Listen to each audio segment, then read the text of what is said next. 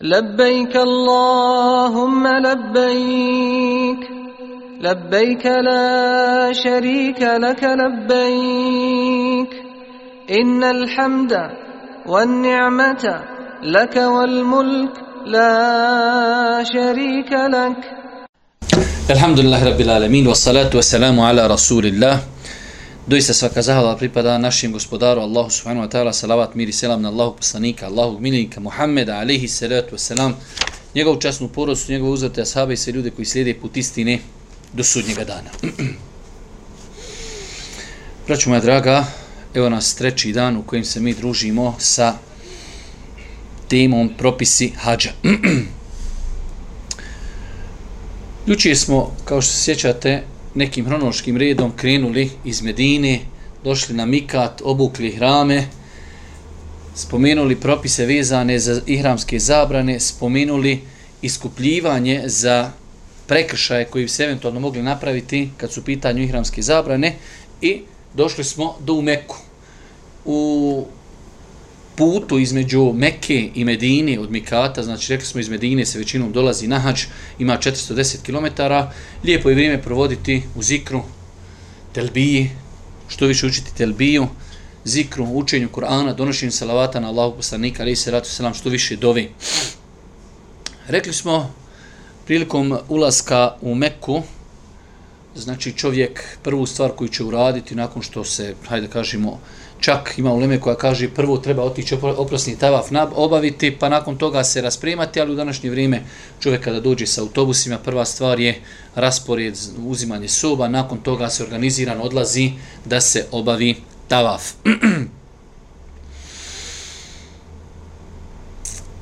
Kada je u pitanju tavaf, rekli smo juče da je to ibadet koji se može samo činiti na jednom mjestu u cijeloj zemaljskoj kugli ili na cijeloj zemaljskoj kugli, a to je oko Kjabi. Čak tavaf nije ispravan kada bi se kružilo oko harema. Znači imate dole Kjabu, pa imate oko nje džamiju koja se zove harem. Kada bi kružio čovjek oko harema, nije ispravno. Samo se mora kružiti unutra oko Kjabi. Allah poslanik alaihi salatu je selam izrekao i nekoliko hadisa koji govori o vrijednosti tavafa. U prvom hadisu kaže ko bude tavafio tačno sedam krugova, a potom klanjao dva rekiata kao da je roba oslobodio robstva. Znači, nagrada obavljanja tavafa jeste da za jedan tavaf čovjek nakon tavafa sedam krugova, dva rekiata klanja kao da jednog groba oslobodi. U drugom hadisu kaže Allah poslanik alaihi salatu selam ko bude obilazio oko Kabi, neće podići niti stopu, neće e, podići niti spustiti svoju stopu da mu Allah neće upisati jedno dobro djelo, izbrisati jedno loše djelo i podići ga za jedan stepen.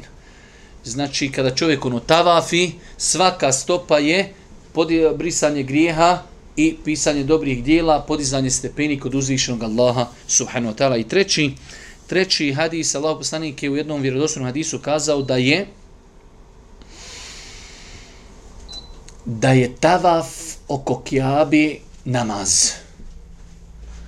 Iako vidjet ćemo poslije kako se taj hadis ispravno razumijeva, ali Allah poslanik je nazvao tavaf oko kjabi namazom. Ono što je nama sada interesantno i morate se sad vi koji pratite, pogotovo oni koji čići na hađ, koncentrisati. Mi smo rekli na, na, kada smo bili na, na Mikatu da imamo tri vrste nijeta i tri vrste hađa. Shodno tome ćemo se sada i ponašati u Mekki. Imamo čovjeka koji ide samo na hađ. On je rekao na Mikatu lebejke Allahumma hađan. Ide samo na hađ. On kada dođe u Meku treba da, op, na, da obavi taj pozdravni tavaf, i on ništa više ne radi. On čeka kada će krenuti na refat, jer je on došao samo da obavi hađ. Imamo drugu vrstu čovjek, drugi čovjek, druga vrsta hađa, kiran. On radi zajedno hađ i umru. I takav insan kada dođe u Meku, obavit će taj e, tavaf koji se zove pozdravni, dolazni tavaf. I nakon njega lijepo je odsunet da uradi saj. Ali to mu je saj onaj hađijski. Jer rekli smo na dan Bajrama, poslije ćemo o tome i detaljno govoriti, e, do, bacaju se kamenčići na veliko džemre, brije se glava, obavlja se tavaf i čini se saj.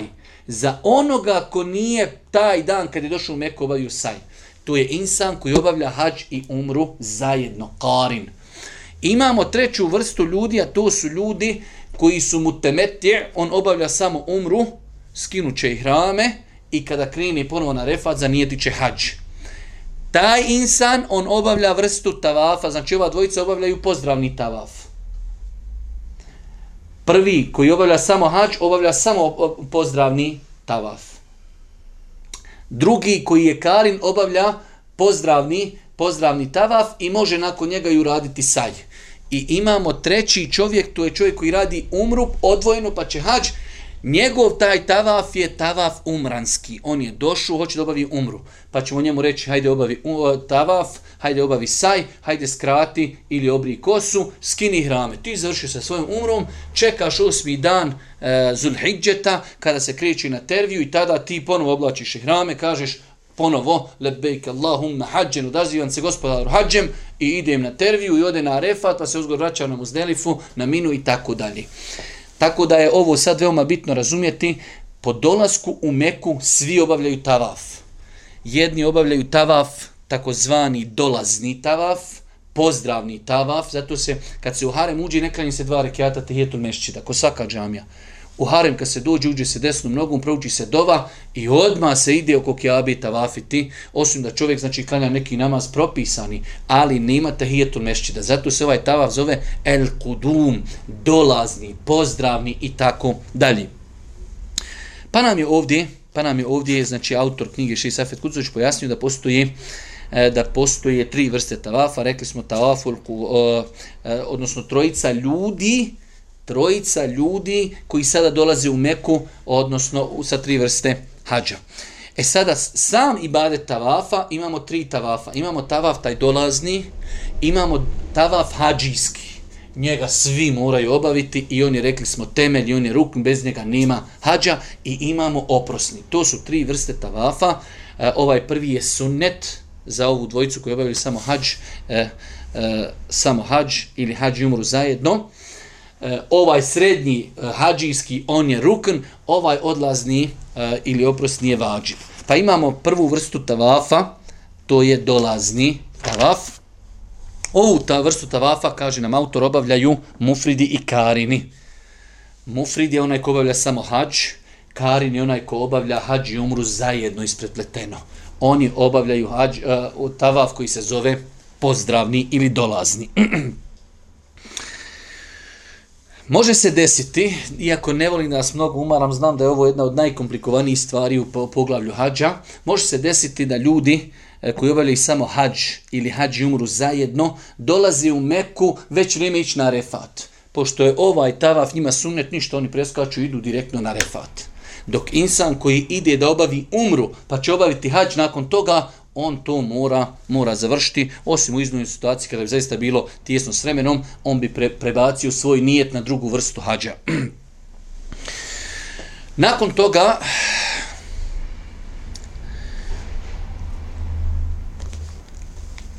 imamo znači prvi, imamo prvi e, tavaf, to se zove dolazni tavaf, imamo drugi tavaf, to je hađijski tavaf, tavaful ifada, to je hađijski tavaf koji se mora obaviti ili prvi dan e, Bajrama ili drugi ili treći, ali to je onaj tavaf e, znači koji je elementarni dio hađa. I imamo tavaf ul voda, oprosni, oprosni tavaf, znači njega rade opet svi osim žene u hajzu. Svi ljudi kada krenu iz Mekke, Allah poslani kaže neka vam zadnja stvar koju u Mekke uradite bude oprosni tavaf. A čovjek ode obavi tavaf u autobus i kući. Osim žene koji su hajzu, Boži poslanik je njih izuzeo.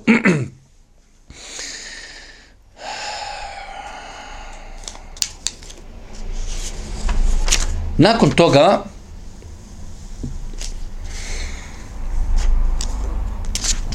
e, Še Safet nam spominje istu učenicu koju smo mi učili spomenuli, to je, mi imamo ove tri vrste tavafa koji su vezane za hađ.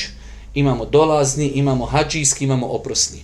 Ima četvrta vrsta, to je dobrovoljni tavaf i onda je spomenuo ovdje nekoliko argumenata iz kojih se vide i Sirije, životopisa Božih poslanika, da je Božih poslanik znali su, a sad prenit kad je došao Božih poslanik, pa je počeo tavafiti. Nije znači obavljao ni umru, niti obavljao hađ dokazujući da postoji u islamu i bade dobrovoljnog tavafa. Pa smo juče govorili, znači sedam krugova, dva rekiata i tako znači čovjek e, čini taj ibade dobrovoljnog e, obavljanja tavafa. E, postoji pitanje šta je bolje raditi u Mekke? Dobrovoljni namaz klanjati ili tavaf obavljati? Pa smo juče o tome govorili, Allah najbolje zna definitivno, šehu Semin kaže, bolje je da čovjek radi ono gdje će mu se srce više smiriti. Imate ljudi jednostavno kad klanja namaz, toliko se koncentriše, toliko mu srcu odgovara, da je za njega bolje da klanja namaz. Kažeš mu, klanjaj namaz, jer jednostavno namaz za njega ostavlja više traga. Ima ljudi koji se opet ne može koncentrirati plavo namazu, ali u tavafu se lijepo osjeća. Dovi, zikri, gleda u kjabu, plači i tako dalje. Pa je shodno insanu i stanu njegu, nekom je bolje reći, sjedi, klanjaj, ti se ljepše osjećaš u namazu. Ali generalno bolje je tavafiti nego namaz klanjati. Zašto? Zato što smo rekli da je to ibadet koji možeš samo činiti tu. Kad doješ uvozno, ti opet možeš klanjati namaz. Možeš učiti Kur'an, možeš zikriti, dok ne možeš tavaf obaviti nigdje osim u Mekke. Pa je generalno, kada čovjek ima slobodnog vremena, bolje je da tavafi nego da bilo šta drugo radi. Ali ako bi bio čovjek, kaže, ja se ljepše osjećam ako dovim, neko se ljepše osjeća ako uči Kur'an, neko se ljepše osjeća ako uči e, klanja namaz, mi mu kažemo, radi ono što će ostaviti najviši traga na tvoje, na tvoje srce. Nakon toga, e, rekli smo, došli smo sa Mikata, došli smo u Meku, treba da obojimo tavaf. Pa smo spomenuli, znači shodno ono mi e, šta smo mi zanijetili. Ako obavljamo samo, ako samo obavljamo hađ, doćemo da obavimo taj samo dolazni tavaf. Ako obavljamo hađ i umru spojeno, dolazni tavaf i nakon njega ako hoćemo saj. Ako dolazimo temetu, obavljamo samo umru pa ćemo poslije hađ, mi moramo obaviti cijelu umru. Moramo tavaf, saj, kraćenje, kosi. U svakom slučaju e, nešto vezano za e, tavaf uvjet ispravnosti tavafa. Da bi tavaf bio ispravan, ovo je veoma bitno, jer sad ovo što ćemo progotiti tavafu, više nećemo ponavljati. Poslije ćemo samo kazati na dan e, Bajrama se radi to, to, to, treba uraditi tavaf. Više nećemo govoriti o propisima tavafa. Sada o njima govorimo. Da bi nečiji tavaf bio ispravan, a tavaf nam je na dan Bajrama rukn hađa, čovjek treba da bude musliman. Svakako da o tome nećemo mnogo detalje. Druga stvar, namjera. Iako nam ovdje autor zaista na jedan lijep način pojašnjava da e, dovoljno je onog momenta čovjeka da kreni sa, e, sa mikata i kaže ja sam krenuo obavljati hađ. Poslije ne moraš svaki ibadet posebno. E sad, e sad nije za tavaf, e nije za saj, e nije za džemreta. Zato što je hađ jedan, jedna cijelina. Poput namaza. Mi u namazka kažemo Allahu ekber, da klanjam farze. Neću kad idem na ruku reći, e sad nije činim ruku, činim seđdu. Pa tako da znači e, tavaf generalno potpada pod opći e, znači nijet onda kada smo bili na mikatu i rekli hoćemo da obavimo hađ. Tako da, ali nijet kao nijet mora postojati, ne može čovjek doći nako sedam krugova okružiti, pa i ovo se mogu i badetiti. Znači, ipak treba da ima namjeru u srcu da je to i badet. Nakon toga, prva stvar, rekli smo da je musliman, da ima namjeru. Treća stvar, da pazi da mu budu pokriveni avreti. Pogotovo kad su u pitanju i hram, jer mi ćemo, znači obavljajući, obavit ćemo dva tavafa, ćemo obaviti u ihramima, odnosno jedan ili dva, opet sad to je druga priča, ali obavljat ćemo eh, jedan od tavafa u hramima sigurno, kad čovjek treba da pazi da su mu, da su mu o, avreti pokriveni. Početi tavav sa mjesta gdje je crni kamen. Znate, znači, jučer smo više puta govorili, Keaba je četverouglasta, u jednom čošku ima kamen crni. To je mjesto gdje gdje se počinje sa tavafom. Kada bi čovjek prošao neki pješijski e, metara i onda kaže, pa idem ovdje, ću početi, ne, mora otići ponovo doći do kamena i tuda ili vrati se eventualno nazad, pa započeti krug. E, ovdje nam čak navodi Šeš Safet e, početkom 15. hiđetskog stoljeća e, kod Kjabe istog čoška bila je paralelno povučena dole po zemlji u Mermeru jedna crna linija, široka, kako bi ljudi znali gdje se počinje sa tavafom. Pa se vremenom ispostavilo da je ta postavljena te e, e linije bila greška. I ozgor, znači iz drugog srećeg sprata, kad se gledalo ljudi na toj liniji, baš su čekali da stanu na liniju, pa se zaustavi, pa i onda se tu tavaf pravu zaustavljao. Dok sada, znači, imamo crni kamen u kjabi, i s desne strane imamo zelenu lampu. I tu čovjek od prilike negdje kada bude između crnog kamena i zelene lampe, bismillah ili samo Allahu ekber i počinje krug. Ali generalno znači za ispravnost tavafa treba da počnemo tavaf od crnog kamena ili znači u paralelnosti sa crnim kamenom. Tako da Znači nekada je tu bila crta koja to pojašnjavala, ali e, ispostavilo se da je postavljanje te crte e, pravilo problem pa su je ponovo uklonuli. Tavav se obavlja znači suprotno kako kazaljke idu na satu. Kazaljke na satu idu u desnom pravcu, a čovjek tavaf obavlja, znači idući e, lijevo, e, da mu kjaba bude sa lijeve strane njegovog tijela. Da mu kjaba bude s lijeve strane njegovog tijela i samo takav tavaf je ispravan. ono što je interesantno, E, za neke koji nisu bili ili oni koji su bili, imate ljudi kao eto, oni imaju grupu žena, pa ne želi da niko u tavafu dodire njihove žene, oni se ufate rukama, napravi kao neki lanac i oni tako idu i onda žene su u sredini kao niko i ne dotiči. U tom momentu imate ljudi koji će cijelo vrijeme biti okrenuti leđima ta, kjabi. Neki će biti cijelo vrijeme prsima jer su oni napravili e, prsten koji se kreće oko kjabi i tako da u datom momentu ovaj čovjek je lijeđima okrenut, okrenut kjabi, kada bude prolazio, bit će poslije prsima i tako dalje, e, za čim nema potrebe. Jednostavno, e, znači, svi se kod kjabi čuvaju toga da je u pitanju dodirivanje žena, jednostavno čovjek se treba bojati Allah koliko god više može, ali znači kada je prili, obavljanje tavafa, čovjek treba najviše se trudi da mu kjaba neprestano bude s lijeve strane. Svakako da se nekad nekom je okrin da nešto pojasni, nešto spomeni, da nešto uzme, ali znači da čovjek ide leđima okrenut kjabi kao držeći neki lanac onaj, ili prstin u kojem se nalaze žene, definitivno je neispravno. Juče smo govorili da kjaba ima dva čoška koja su vidna danas, to je jemenski i čošak gdje je crni kamen, a dva čoška se ne vide i tu postoji e, taj polukrug takozvani hijđr, I rekli smo kada bi vrata bila otvorena, kada bi čovjek prošao kroz ta vrata, da budemo kraći krug, nije isprav njegov tavav, zato što e, znači taj hijđer, on je dio kjabi. Pa moramo tavav o napraviti skroz oko, oko znači i onog polukružnog dijela koji se vidi kod kjabi. Navodi se u vjerodostojnoj predaj da je Aisha rekla Božijem poslaniku želim ući u kjabu i da klanjam u kjabi. Pa i Božji poslanik uveo u taj onaj polukružni dio, kaže klanjaj ovdje, ovo ti je dio kjabi. Samim tim to je potvrđeno, znači da je to dio kjabi i samim tim kada bi vrata bila otvorena, kada bi čovjek tuda prošao, taj njegov krug u tavafu se ne bi brojao. Isto od uvjeta ispravnosti tavafa jeste da čovjek obavlja, rekli smo malo prije, tavaf unutar harema, unutar džamije. Može na prvom spratu, može na drugom, može, znači ima dole ona velika površina oko kjavi koja je čista, a imaju onda spratovi, može i na spratovima da tavafi, ali je bitno da ne iziđe iz granica džamije. Pa je znači obaveza uvjet da bi tavaf bio ispravan da bude oko kjabi, a ne izvan harema ili oko harema. Čak, rekli smo juči, E, prija Safa i Merva nisu bile dio harema, džamije. Pa vremenom kako se harem širio, širio, širio, prije je bilo, e, imali smo kjabu i konje je bila džamija. Pa kad čovjek završi tavaf, iziđe iz džamije i ode na Safu i Meru. To je jednostavno bilo odaljeno. S vremenom kako se džamija širila, Safa i Merva su postale dio džamije. Ali ne može se tavafiti ako ćeš tamo prolaziti kroz dio gdje je Safa i Merva čovjek treba znači da pazi da ne bi napravio tu grešku.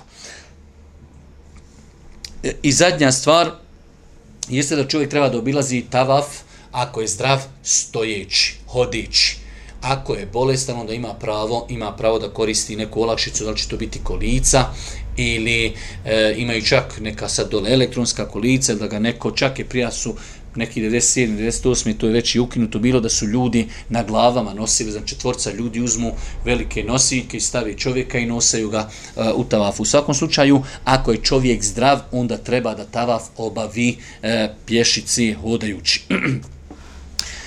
to je bili, to što smo sad spomenuli su bili uvjeti za tavaf. Imamo pohvalne radnje u tavafu, nićemo kratko, nićemo mnogo se kod njih zadržavati, uh, poljubiti crni kamen. E, zapamtite večera, znači e, odnos nas prema crnom kamenu može biti na jedan od sljedećih načina. Možemo, kada krenemo tavafiti, ako nema gužve, a to je skoro sad historijski še, pa nemoguće, doći poljubiti crni kamen i početi tavafiti. I u svakom drugom krugu, kad imamo mogućnost, poljubimo kamen, idemo dalje. To je nekad, nazovimo i najbolja verzija, poljubiti crni kamen. Druga verzija je da, da ne možemo poljubiti crni kamen, ali možemo ga dotaknuti rukom. Dotaknimo ruku i poljubimo ruku. To je druga verzija. Treća verzija, još smo dalje, imamo štap ili kišobran ili nešto, dotaknimo time i poljubimo to.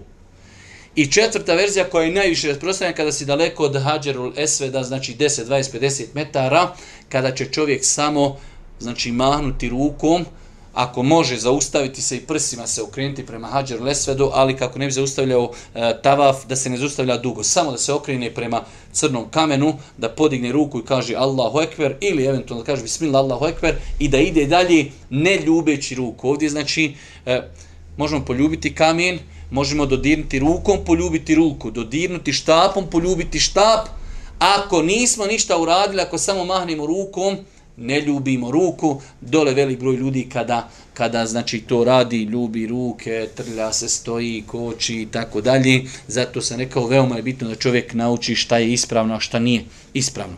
E, to vam je rezimirano, e, ovdje je šeh pričao mnogo toga e, u pogledu u pogledu Hadžer Lesveda, znači ali od sunneta, kada krećemo da dođemo, poljubimo crni kamen, krug 1, krug 2, krug 3, tako da u svakom krugu ako možemo poljubiti, možemo ako ne možemo dotakiti, ako ne možemo dotakiti, poljubiti ruku, ako ne možemo dotakiti sa nekim predmetom, poljubiti predmet, ako ne možemo ništa, otprilike u toj nekoj liniji sa crnim kamenom zaustavimo se, okrenimo se, ako možemo prema crnom kamenu, rukom naišaretimo Allahu Ekber ili Bismillah Allahu Ekber i nastavljamo dalje ne ljubeći ruku. Nakon toga, e, pitanje koje smo jučer spomenuli, ljubiti crni kamen je ibadet samo, samo u tavafu. Ili, završili smo tavaf, klanjali smo dva rekiata, napili smo se zemzema i polili smo se glav, eh, zemzemom po glavi, tada, u prijašnje vrijeme, Boži poslanik je znao otići ponovo poljubiti kamen i otići na Safu i Mervu. Ali to je danas više pa nemoguće. E, tako da, crni kamen se ljubi samo unutar tavafa. Ne doješ iz hotela, pa ode ja da pokušam poljubiti crni kamen. To nije, to nije propisano. Isto tako, velik broj ljudi, vjerujte, da ono što je baš primjetno na hađu jeste nezdanje.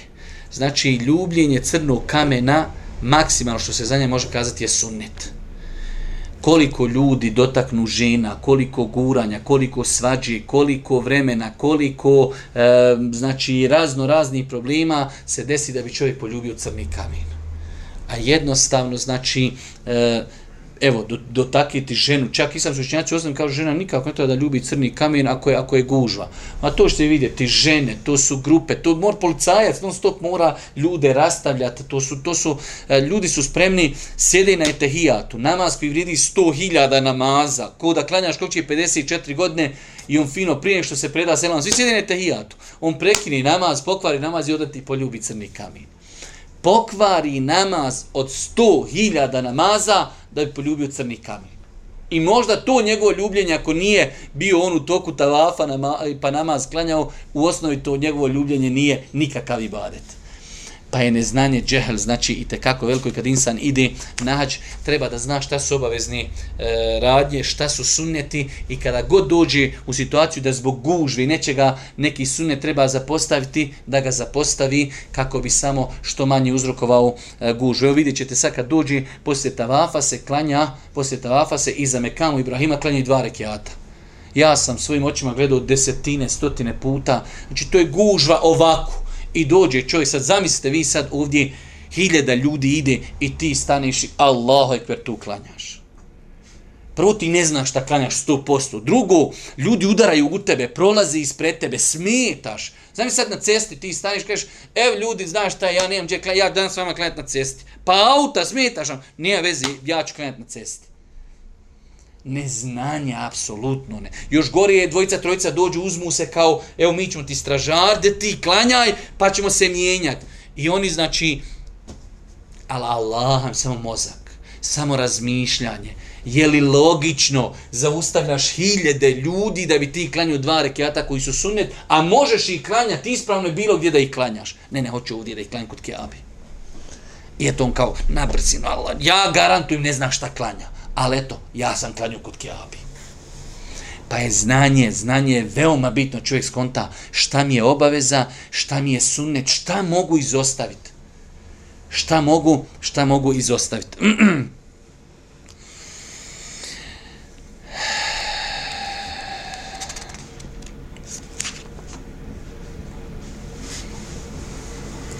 Rekli smo juče mi, kada je u pitanju baš ovaj crni kamen, da od danas, da dan, u današnje vrijeme, u onoj, u onoj rupi gdje čovjek stavi glavu, postoji osam komadića, najveći komadić crnog kamena je kao, kao jedna datula. Do, za velik broj ljudi čak dođe da poljubi crni kamen, ne poljubi crni kamen u osnovi. Poljubi onu masu u koju je ugraviran ili postavljen crni kamen.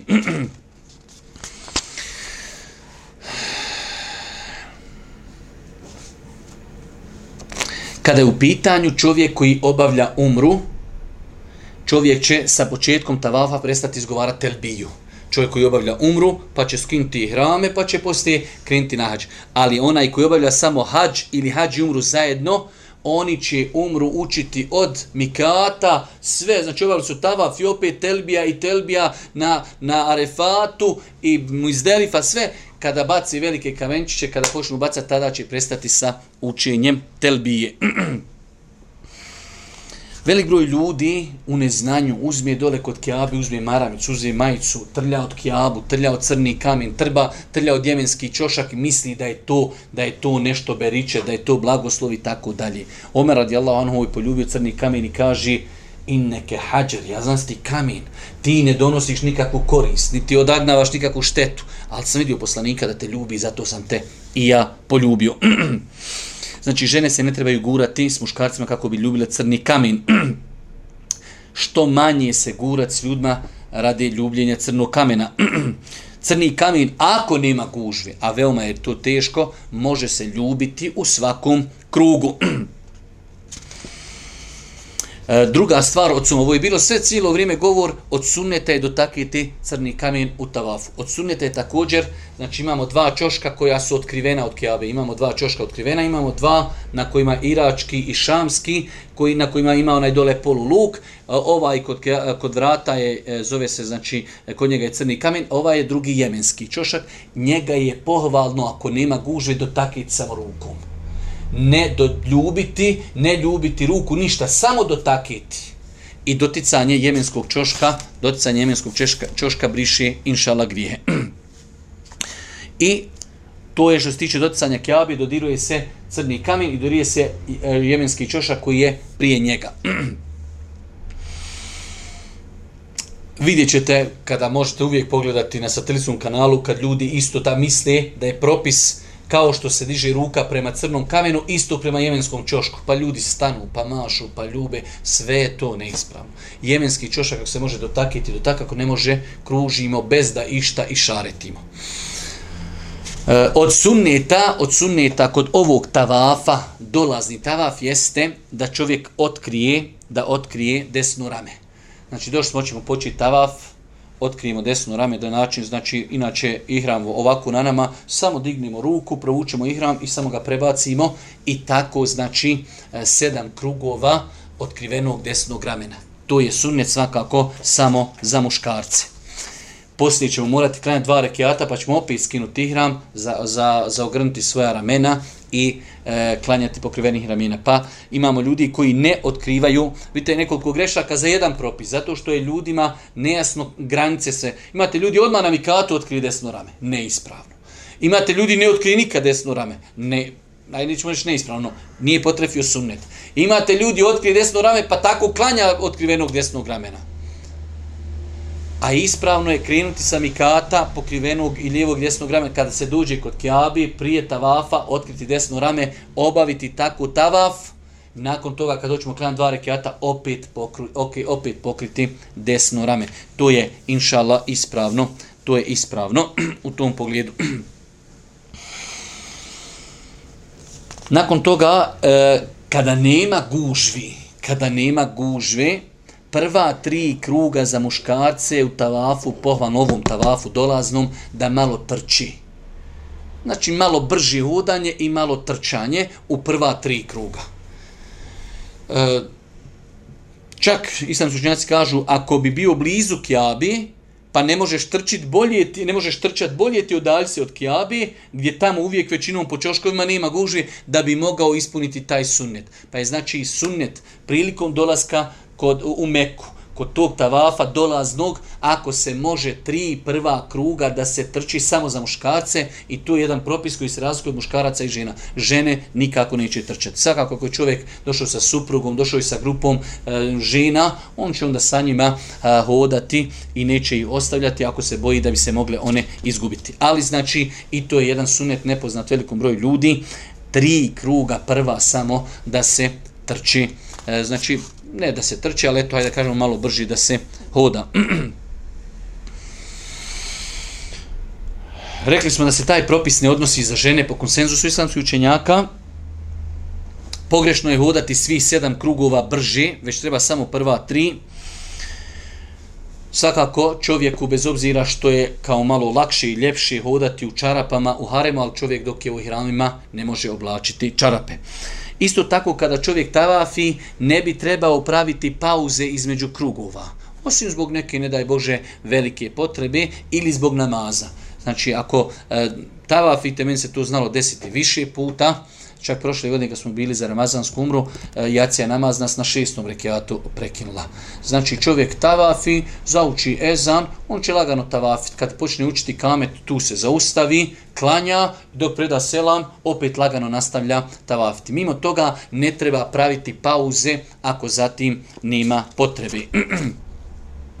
Kada je u pitanju tavaf, da li moramo biti pod abdestom? Jedno mnogo bitno pitanje, pogotovo ljudi koji su vodiči na hađu, moraju ovo pitanje dobro znati. Zamislite, imate, došli ste na hađ i u, u haremu 200.000 ljudi u isto vrijeme čini tavaf, vi ste došli sa grupom od 50 ljudi i kaže čovjek, a može se desiti.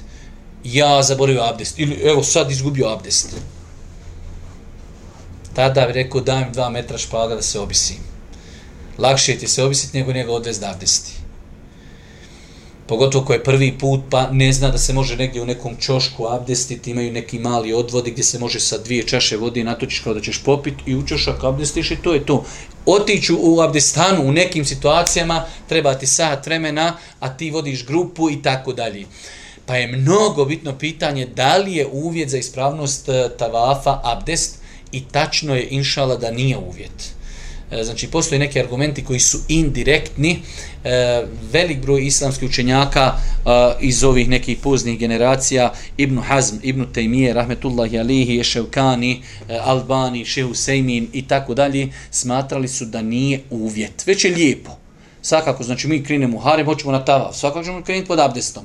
Ali se može desiti da čovjek izgubi abdest ili idući putu ili u tavafu ništa ne prekidaj završi tavaf I onda negdje imate, znači oni koji se dole dobro snalazi u harimu, znaju da imate na par mjesta, čovjek može udjeti čašu dvije vode, sklonut se i abdestiti i onda klanjati. Svakako ne može klanjati bez abdesta, to je 100%. Ali bitno je da znamo propis ako nam se desi, imamo grupu 50 ljudi i neko je u grupi izgubio abdest u tavafu. Ništa. Nastavljamo, završimo tavaf, čovjek uzmemo dvije čaše vode, skloni se negdje učošak abdesti i klanjamo i to je to. Svakako da je ljepše da čovjek ima abdest, ali ako se desi da je izgubio, nećemo prekidati, nećemo zaustavljati, neće ići abdestiti, nema potrebe, držimo se grupe, obavljamo, nakon toga uzima abdest i klanjamo dva rekiata. Svakako ovo nije poigravanje sa vjerom, e, da postoji jasan hadis zaposlani i kaže, ko nema abdesta, ne može tavafit, mi bi rekli, on mora abdestit kad bi, ali, znači, jednostavno ne postoji jasan argument koji ukazuje da čovjek kada obavlja tavaf mora imati abdest. Sam Ibn Qayyim kaže, ne postoji argument koji ukazuje na to da je obaveza tahareta za obavljanje tavafa, da je, obaveza, da je obavezan abdest.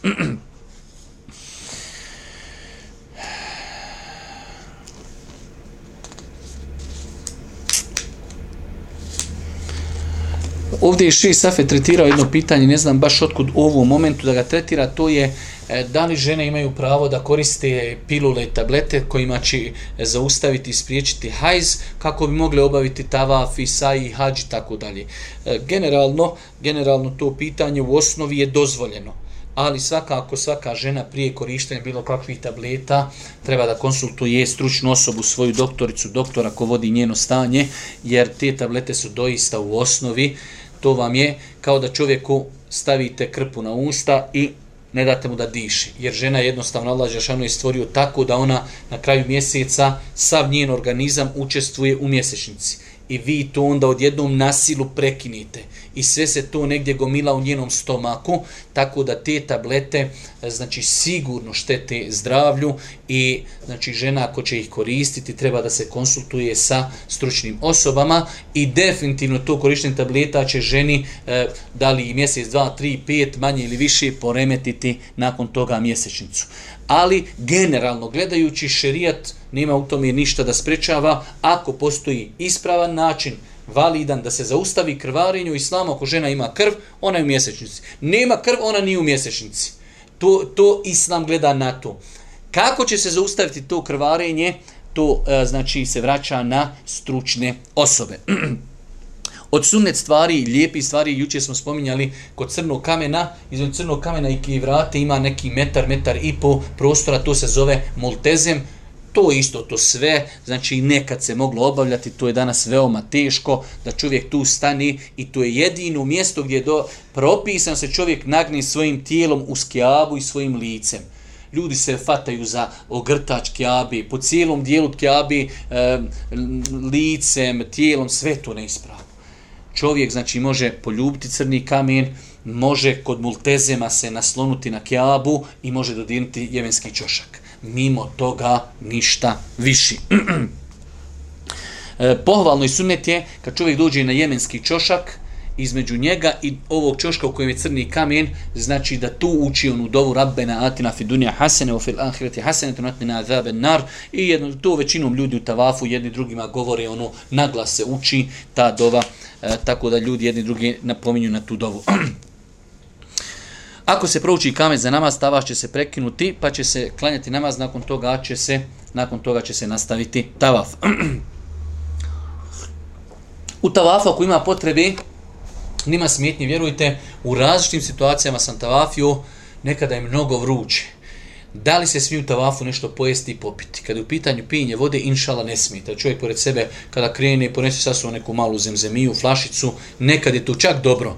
Nekada ima ljudi koji stoje dole i dijele po čašu vode, obraduju se toj čaši vode više nego, više nego pečenom janjetu. Nekada, zaista, kada je vrućina. Eh, kada je u pitanju jelo, bolje je bilo šta izbjegavati. Dom, pojesti možda datulu, pojesti nešto keks ili nešto, ali uzeti čovjek sendvič, i jesti, ide sad kroz tavaf, to je već uh, po određenim učenjacima i haram, a neki su kazali mekruh.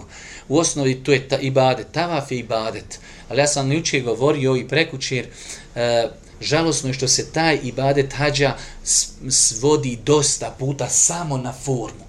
Mi smo obavili sedam krugova, jesmo, ajmo, uključi live, slikaj se, idemo.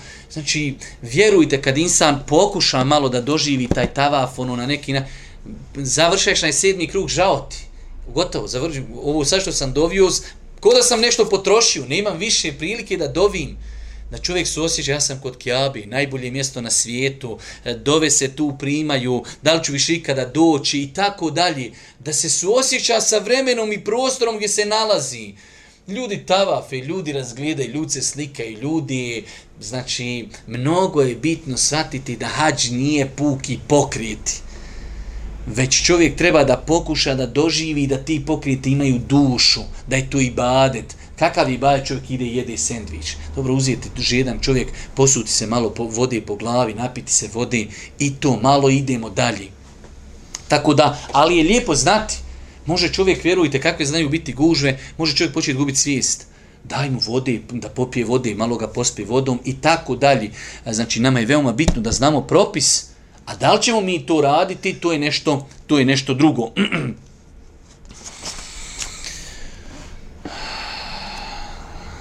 Neispravno je, i to je jedna poprično loša navika, da velik broj ljudi e, zikri zajednu tavafu Znači ja sam mnogo puta se ljutio na ljude jednostavno zato što čovjek dođe e, 5-6 hiljada kilometara i jednom u životu tavafim i dođe čovjek pored tebe i uzme ozvučenja Allahume i onda iza njega 300 ljudi Allahume ti samo švikat Allahume Allahum. Ti možeš ništa dobiti od njih.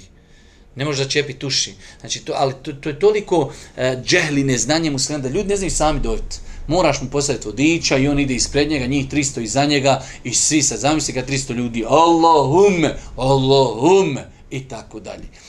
Pa je neispravno kolektivno učiti zikrove, e, prvo što to nije preneseno, drugo što to uznemirava druge ljude.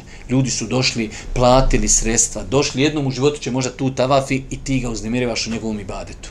Tako da čovjek treba da se pazi takvog ponašanja. Ne postoje posebne dove, imate ljudi i podijele dole kupe knjižice e, i svaki tavaf, svaki krug posebna dova.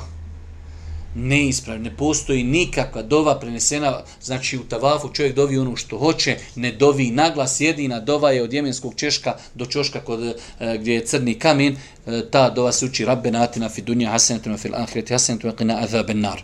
Isto tako ljud kada prolazi e, ispred vrata ima onaj žuti dio mekamu Ibrahim gdje staju Ibrahim alaih salatu wasalam ljudi se zaustavljaju, slikaju se, trljaju maramice, odjeću, ljubi ništa, sve apsolutno neispravno. E, pitanje jedno veoma bitno, a to je e, velik groj ulemi pa hajde da kažemo i ljudi se dosta puta onda lahko odnose prema tom pitanju, može li se u haremu prolazi ispred ljudi kad klanjaju u Mekki i Medini? Može. I onda vidiš ljudi, završio se namaz, ono, ljudi ustaju klanjati sunnete, on ide ispred ljudi ko da, ko da bere gljive. Bez ikakve, ajde da kažemo, bo, e, straha da je to možda neispravno. Pa e, ja sam stava da je zabranjeno i u Mekiju, u Medini hodati ispred klanjača. Osim da čovjek dođe u situaciju, zaista ponesete, e, gužvate, gura i ti ne možeš, ne možeš ti za sebe 300 ljudi zaustaviti, a čovjek tu klanja, ti moraš proći ispred njega. Ili negdje žuriš, safovi pored, ne možeš proći, osim čovjek klanja, za, za, ajde kajmo, zagradio ti neki prolaz, tu da prođiš, ali generalno, generalno je zabrajeno prolaziti ispred klanjača i u Mekiju Medini i Allah najbolje zna argumenti kojima je zabrajeno prolaženje su općeg karaktera, argumenti koji su određeni učenjaci na osnovu njih dozvoli da se u Mekiju Medini hoda između ispred klanjača su indirektni dokazi. Tako da insan kad dole ode, pazite, Došao si u Meku, došao si u Medinu, prođeš između sto klanjača. Boži poslanik kaže, kada bi insan znao koliki je grije proći ispred klanjača, čekao bi 40 kaže prenosioća, ne znam, kaže možda je kad 40 godina. I čovjek proda i hođa između ljudi, vidiš on niđe nije da on nešto žuri, nakon šalantno uzo kesu, hoda, između ljudi, ispred ljudi hoda. Pa se čovjek treba čuvati da svoj hač sačuva od svega što bi moglo biti sumljivo. Dobro, ovo je sve bilo nešto vezano za cavaf. šta je obaveza u tavafu, šta je sunet u tavafu. Nakon toga, nakon tavafa dolazi nakon tavafa dolazi e, klanjanje tako e, dva rekiata koja se klanjaju nakon tavafa. Ono što je najljepše, ako se može da se ta dva rekiata klanjaju, znači ispred vrata Kjabe, odnosno iza Mekamu Ibrahima. Znači imate onaj dio Kjabe gdje su vrata, ispred tih vrata ima onaj e, žuto staklo, to je Mekamu Ibrahim. Ako čovjek može klanjati iza toga da znači e, čovjek klanja, ispred njega je Mekamo Ibrahim, pa iza, iza Mekamo Ibrahima je Kjaba. Tu da stane da klanja, to je nešto najljepši. Ali u 90% slučajeva ako je u pitanju Ramazan, ako je u pitanju hađ, to su ogromne guže, ne treba ni pokušavati tu da se klanja. Ali je bitno da znamo propis. Ja sam nekad znao, birvaktile sa, sa numom, djecom dođem, ne mogu kjabi 15-20 ljudi tavafi završiš fino, stanjaš, klanjaš kod Mekamu Ibrahima, nije nikakav problem. Dok u današnje vrijeme, e, pogotovo kad je u pitanju hađ, kad je u pitanju Ramazan, to je nemoguće tu klanjati. Pa su učenjaci kazali da ovaj namaz u osnovi njegov propis je sunnet. Znači prva stvar sunnet. Zašto nam je bitno da znamo? Evo mi smo sad kad smo bili za Ramazan e, na umri, grupa velika završili tavaf, nemoguće klanja ta dva rekiata. I ništa, mi smo odmah otišli na saj i onda smo klanjali ta dva rekiata kad smo došli u hotel. Pa je veoma bitno znati da čovjek kad bi došao u situaciju na hađu sam e, na, ili Ramazan je velika je gužva, znači vjerujte da je takva situacija da nemoguće da igdje staneš da klanjaš. Toliko je gužva. Ali ako nije gužva, klanja se. Ali ako je gužva, kakav je propis sunnet? Alhamdulillah, smijemo to preskočiti zbog neke veće koristi. Pa je znači, klanjanje dva rekiata nakon tavafa sunnet. Za ta dva rekiata se vezuju nekoliko stvari. Prva stvar, lijepo je ako se može klanjati iza Mekamu Ibrahima, da mi budemo iza Mekamu Ibrahima, a da nakon njega tamo bude Kjaba. Isto tako, lijepo je da čovjek ovu da Allah oprosti, ono, iako sam toliko puta bio na umri na hađu, ali to sam danas naučio od Šeha Safeta, da je lijepo kad se hoće klanjati ova dva rekata da čovjek prouči ovaj kuranski ajet وَتَّخِذُوا مِنْ مَقَامِ إِبْرَهِيمَ مُصَلَّا Nakon toga da klanja ta dva rekiata, ta dva rekiata su identična dva rekiata sabahskih sunnita. Znači dva rekiata, na prvom se uči Fatiha i na, na Fatiha i sura uh, Eh, kul ja juhel kafirun, na drugom se uči Fatiha i Kul huvallahu ehad. To su znači dva kratka rekiata, najljepše je da se klanjaju iza mekamu Ibrahima, ako ne mogu, klanjaju se u bilo kojem dijelu harema, pa čak i izvan harema u hotelu, ta dva rekiata se mogu klanjati. Isto tako, eh, ta dva rekiata se mogu klanjati uvijek, što znači, ako bi obavljali umru u nekom periodu kada ono je pokuđeno klanjati, ako smo mi završili tavaf, možemo klanjati ta dva rekiata bez ikakve pokuđenosti.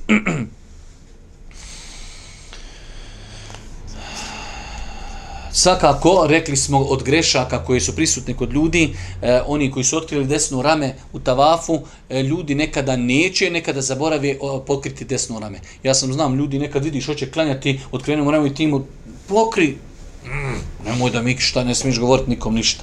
Tako da, onaj, eh, e, ima ljudi svjesno, neće da, da poslušaju, ima ljudi koji svakako i poslušaju.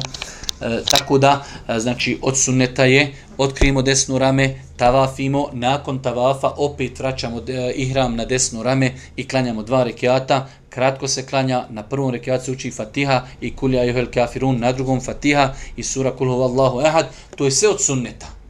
Ako čovjek ne zna ove dvije sure ili, ili nešto drugo, može učiti bilo šta drugo.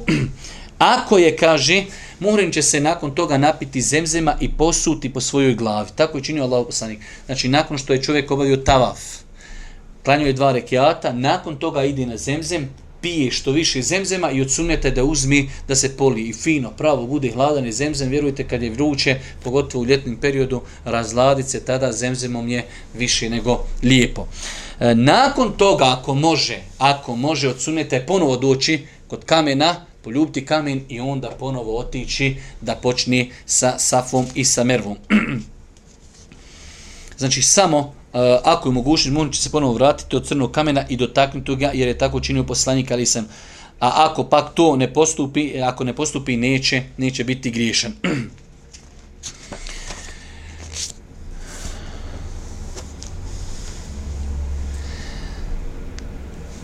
mi ćemo se evo ovdje, ako Bog da, i zaustaviti i znači večera smo evo u ovom prvom dersu po meni obradili jednu mnogo, mnogo bitnu stvar, a to je da smo uh, u tom nekom hronološkom redu dešavanja na hađu obradili možda i najbitniji dio uh, hađa, to je kako se obavlja tavaf. Kako se obavlja tavaf, šta je u njemu obavezno, šta je u njemu sunnet, greške u tavafu i dva rekiata koja se klanjaju nakon tavafa. Ovo sve isto će nam trebati kada budemo na dan kada budemo na dan Bajrama bacili kamenčiće, obrijali glavu i došli ponovo da činimo tavaf, sve identično isto moramo urati, zato to poslije nećemo ni pojašnjavati, e, a znajući da je e, hađijski tavaf temelj e, hađa, ovo je bilo veoma bitno da se obradi ovako poprilično detaljno. Subhanika Allahumma da bihamdike, šedun la ilaha illa anta instakfiruke, ve tubu ilik.